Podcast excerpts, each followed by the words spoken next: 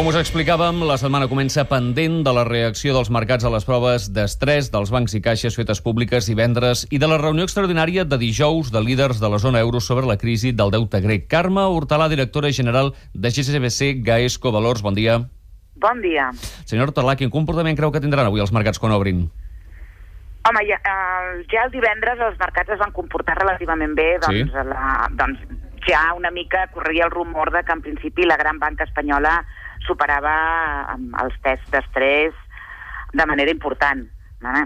Si bé cert que hi ha cinc entitats que no els han superat, al final la quantia d'aquestes cinc entitats suma 2.300 milions, que és el que necessitarien per superar-ho, no? I, home, tot i que semblen molt, un gran import, 2.300 milions, doncs no és una gran xifra per el que en un moment donat doncs, feia més dies s'esperava. I per tant doncs, creiem que l'Espanya ha superat el test amb, amb aprovat i que el- jo crec que el mercat avui reaccionarà positivament, especialment la banca mitjana.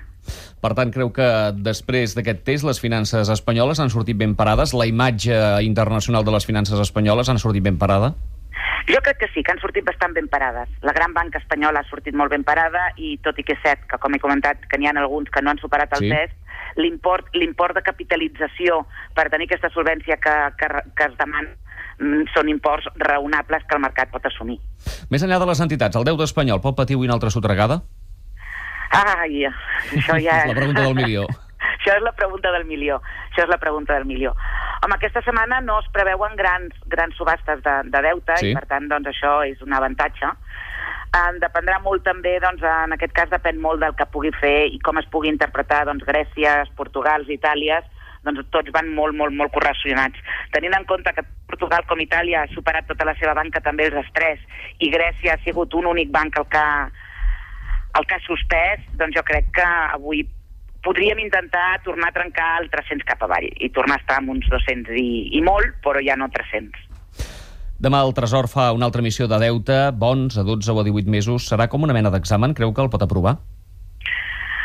Cada, cada setmana té exàmens al Tresor. Cada setmana té exàmens al Tresor amb aquest tema.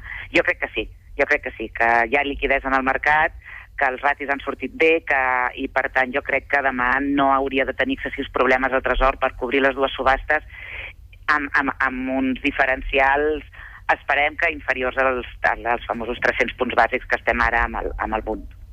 Carme Hortalà, directora general de GBC Gaesco Valors. Gràcies i bon dia.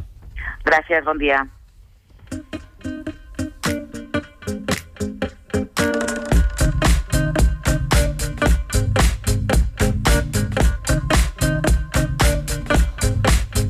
Nati, dèiem que avui estem pendents de saber com reaccionaran les borses europees als resultats de les proves d'estrès que es van conèixer divendres amb els parquets del vell continent tancats. La borsa de Tòquio no ha obert perquè és festiu al Japó. Efectivament, els parquets nord-americans, que van ser els últims a tancar divendres, ho van fer amb números verds. I a Europa, el principal indicador de la borsa espanyola, l'IBEX 35, divendres va acabar la sessió amb una caiguda de l'1,19%, situant-se per sota dels 9.500 punts. Aquest indicador ha perdut gairebé un 10% en dues setmanes per la convulsió als mercats davant la incertesa per la situació del deute sobirà. Aquesta setmana els inversors tenen el punt de mira sobretot doncs, les entitats financeres, en especial a Bànquia i a Banca Cívica, que debuten aquesta setmana a borsa. Al mercat de divises, l'euro a aquesta hora es continua afablint respecte al dòlar, ara cau per sota l'euro amb 41 cèntims. I acabem amb el petroli, el Brent, el de referència a Europa, que es paga a 117 dòlars al barril.